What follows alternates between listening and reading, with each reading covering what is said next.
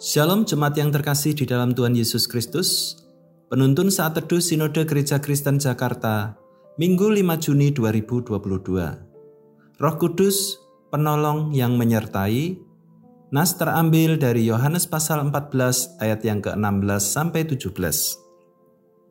Aku akan minta kepada Bapa dan ia akan memberikan kepadamu seorang penolong yang lain, supaya ia menyertai kamu selama-lamanya yaitu roh kebenaran.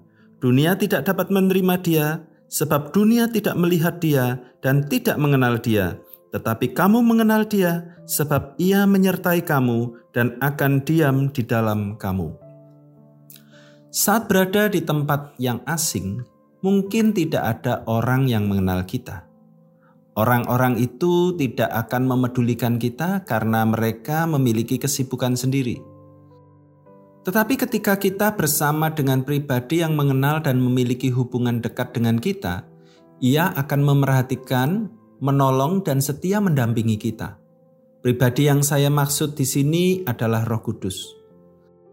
Sebelum hari raya Paskah dimulai, Yesus tahu bahwa sebentar lagi akan tiba baginya untuk meninggalkan dunia ini dan kembali kepada Bapa di surga.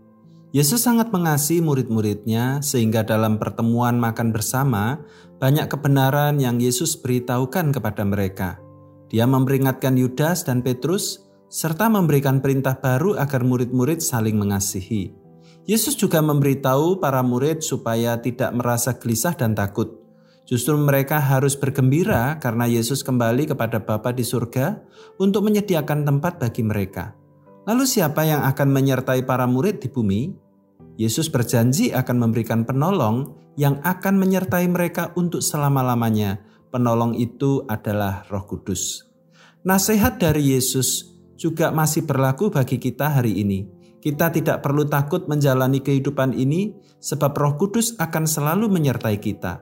Roh Kudus akan menolong kita dalam menghadapi pergumulan hidup yang berat sesuai dengan kehendak dan waktunya.